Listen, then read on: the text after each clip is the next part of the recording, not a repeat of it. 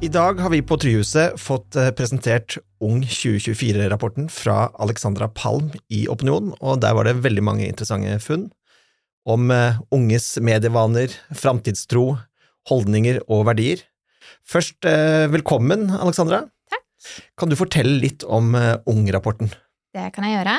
Det er jo et av de syndikerte produktene til Opinion, som betyr at det er en undersøkelse som vi lager selv, eh, og bestemmer litt på en måte innholdet selv også, og selger ut til kundene våre, som jobber med unge målgrupper. Eh, og det er en rapport som vi gir ut én gang i året, hver høst. Eh, men selv om datainnsamlingen og sånt skjer rett før vi lanserer rapporten, så er det et pågående arbeid gjennom hele året, da vi driver med mye trendanalyse for å forstå hva som beveger seg i de unges univers eh, gjennom et helt år, da, sånn at vi skal ha på en måte være helt, eh, helt på spissen av det som, det som, skjer der ute, for å kunne rådgi kundene våre på best mulig måte, da. Hvilke aldersgrupper er det denne rapporten dekker? Dette er ungdom mellom 15 og 25 år i Norge, så det er på en måte et utvalg av det man kaller for generasjon Z. Eh, og mm, sånn helt metodisk da, så er rapporten basert på en kvantitativ, landsrepresentativ undersøkelse med mer enn 1000 respondenter. Og i tillegg så har vi et kvalitativt datagrunnlag hvor vi har eh, hatt samtaler med nærmere 90 ungdommer, også spredt over hele landet. Men hvis vi går litt på funnene i rapporten, hva er det du ser som de viktigste eh, funnene eh, når, du, når, du har, når, dere har analysert eh, årets rapport? Hva er det som er de viktigste funnene i eh, årets rapport? Dette er jo en omfattende rapport som dekker mange ulike temaer og kategorier som vi har eh, fordelt utover i ulike kapitler. Men så prøver vi jo alltid å på en måte ha et litt sånn falkeblikk over de og aggregere på en måte innsikten eh, og analysen litt, da, og se på de overordnede trendene. Og da har vi blant annet da fem eh, ganske viktige trender for, for unge akkurat nå. Det handler om å ta tilbake kontrollen over eget liv. Det handler om å optimalisere seg selv. Det handler om eh, holdninger til kunstig intelligens. Det er eh, både til nytte og besvær. Um, det handler om å leve smart og ikke hardt. Og så handler det om eh, fremtidstroen til de unge, som kanskje har fått en liten slitasje over de siste årene. Det er jo mange temaer, og vi rekker jo ikke alt i denne, denne podkastepisoden, naturlig nok, men vi kan jo snakke eh, noe om det. Ja. Og en ting som jeg la merke til, var denne fremtidstroen. Mm. Eh, for man er jo Mange av de som er eh, hva skal jeg si, voksne i dag, eh, har jo vokst opp med flere tiår egentlig hvor det har vært ganske god fremtidstro på mange typer ting. Mm. Og så ser vi at det er under endring. Hva tror man er grunnen til det? Kan du si noe mer om det? Ja, vi har jo gjort en sånn eh, segmenteringsanalyse hvor vi da har på en måte kategorisert de unge ut ifra grad av fremtidsoptimisme knyttet da til framtidige hendelser. Um, og vi ser jo at en betydelig andel unge havner i dette pessimistiske segmentet. Og så er det noe med at uh, de siste årene har vært ganske urolige og uforutsigbare. Det har vært pandemi, Eh, krig i Europa, eh, økonomisk eh, ustabilitet og økonomisk nedgang. Og dette påvirker jo også på en måte tankene og holdningene de unge har til framtiden. Og det har jo veldig lenge vært sånn at velstanden i Norge har økt. Og nå har vi kanskje kommet til et punkt hvor den yngre generasjonen faktisk ikke kommer til å få noe bedre enn foreldregenerasjonen sin. Eh, og de bekymrer seg over at de faktisk risikerer å få en dårligere framtid, da. Både når det gjelder sant, tilstanden til planeten vår, eh, bekymringer rundt klima og miljø, eh, boligmarkedet, som de fleste opplever at det er helt umulig å komme inn på, eh, og arbeidsmarkedet, som oppleves å bli tøffere og tøffere.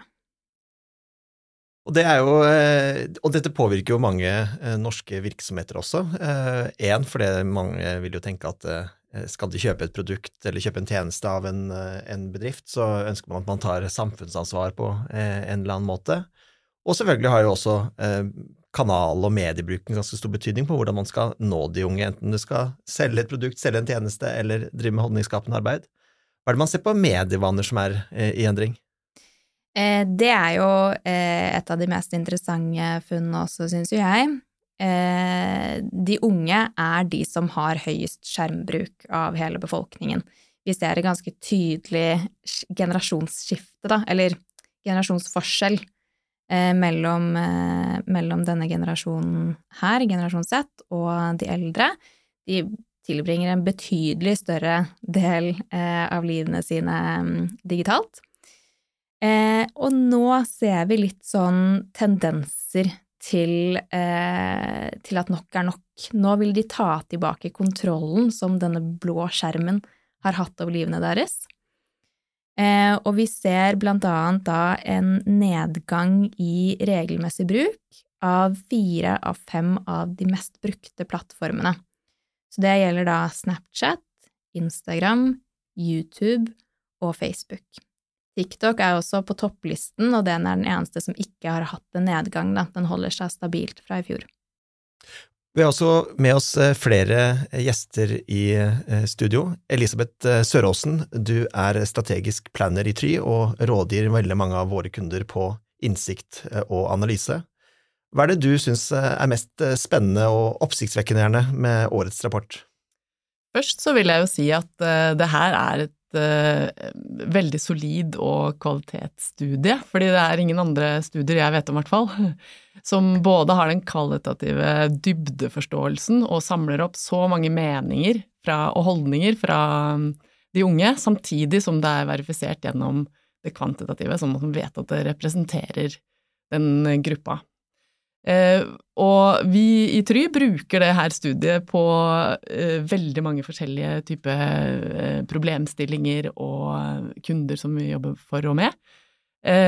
og man finner hele spennet fra liksom verdivalget eller holdningene helt i det emosjonelle spekteret, ned til, som dere var inne på, medievaner og helt sånn konkrete ting og atferd som denne gruppa representerer. Eh, og nå har jeg rota meg bort i hva du spurte om, vet du, men det mest oppsiktsvekkende er jo kanskje at eh, de unge er en sånn pekepinn på selvfølgelig samfunnstendensene generelt, og du kan kanskje se det mer ekstremt eh, i den gruppa enn i oss litt eldre generasjoner. Eh, og noe av det derre med fremtidstro, eller da mangel på det, er jo det som eh, her blir eh, dokumentert, og egentlig ganske sånn alvorlig syn på, på sin egen og verdens ja, utvikling da framover. Og eh, rapporten kommer jo også med tips til hvordan man kan ta dette her på alvor og kanskje bringe noe lys inn i det. Så det gir jo et slags håp.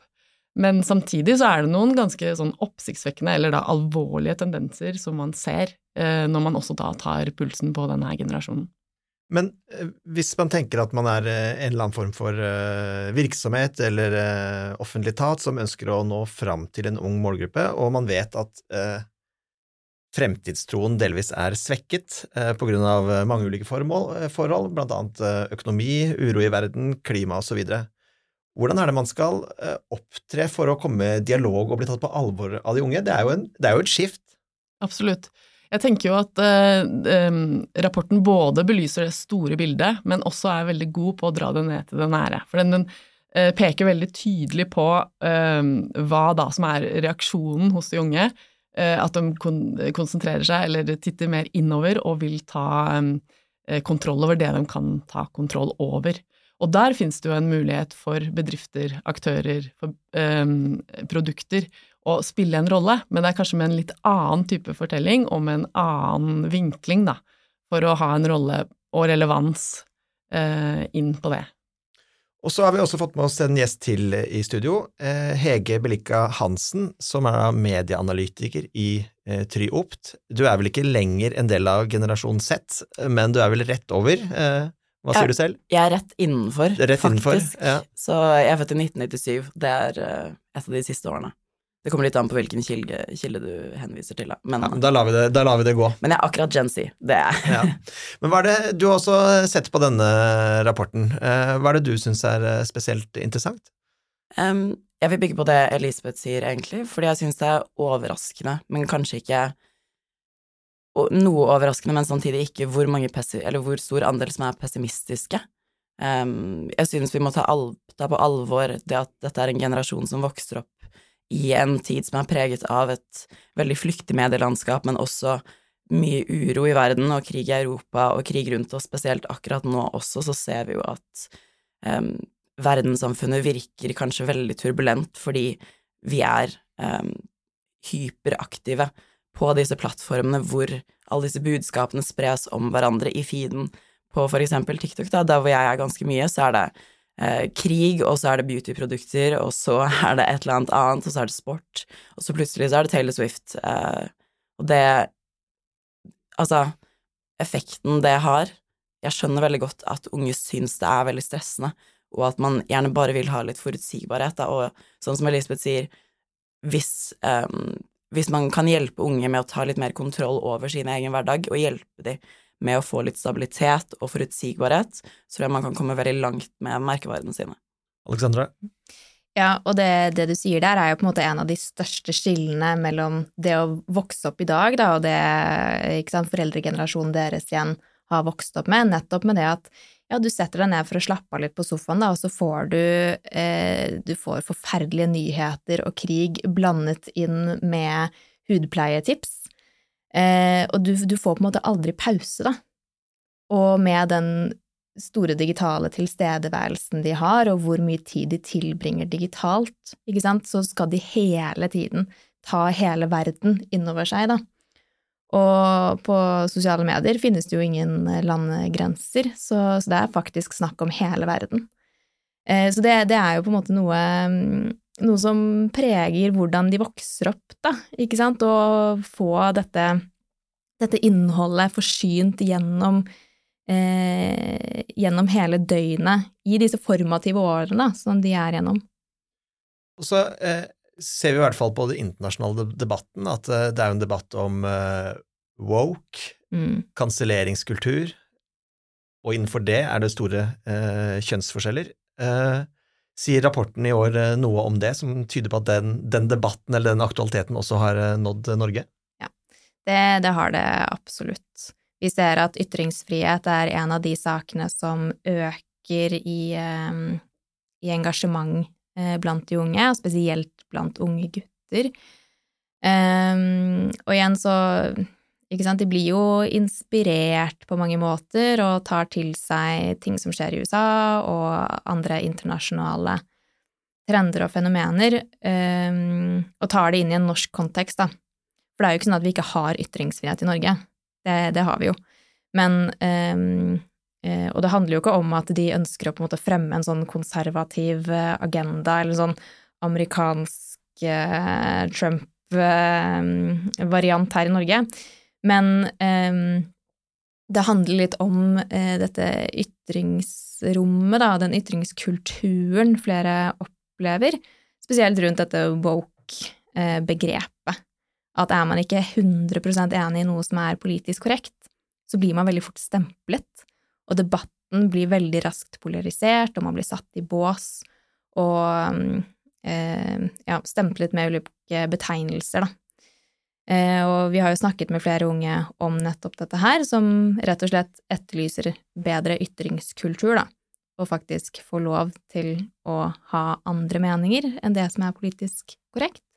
Men henger det også da ganske nøye sammen med endringer i medievaner? Altså, man eh, ser for, meg, ser for meg at eh, deler av den voksne generasjonen de har jo en annen måte å følge debatt på enn en genset, Z, som hvor mye er knyttet til kanal her, internasjonale trender. Jeg vil jo tenke at det har en ganske stor sammenheng, for man skal, kan jo si at det er god ytringsfrihet i Norge, men det er jo et eller annet kultur rundt det som da mm. noen oppfatter som klam, da, hvis man kan si det sånn, eh, for hva man har lov og ikke lov å si. Ja, eh, det forteller de jo også om, at på en måte sånn eh, Sier du noe eller legger ut et eller annet, da, så blir du der for alltid.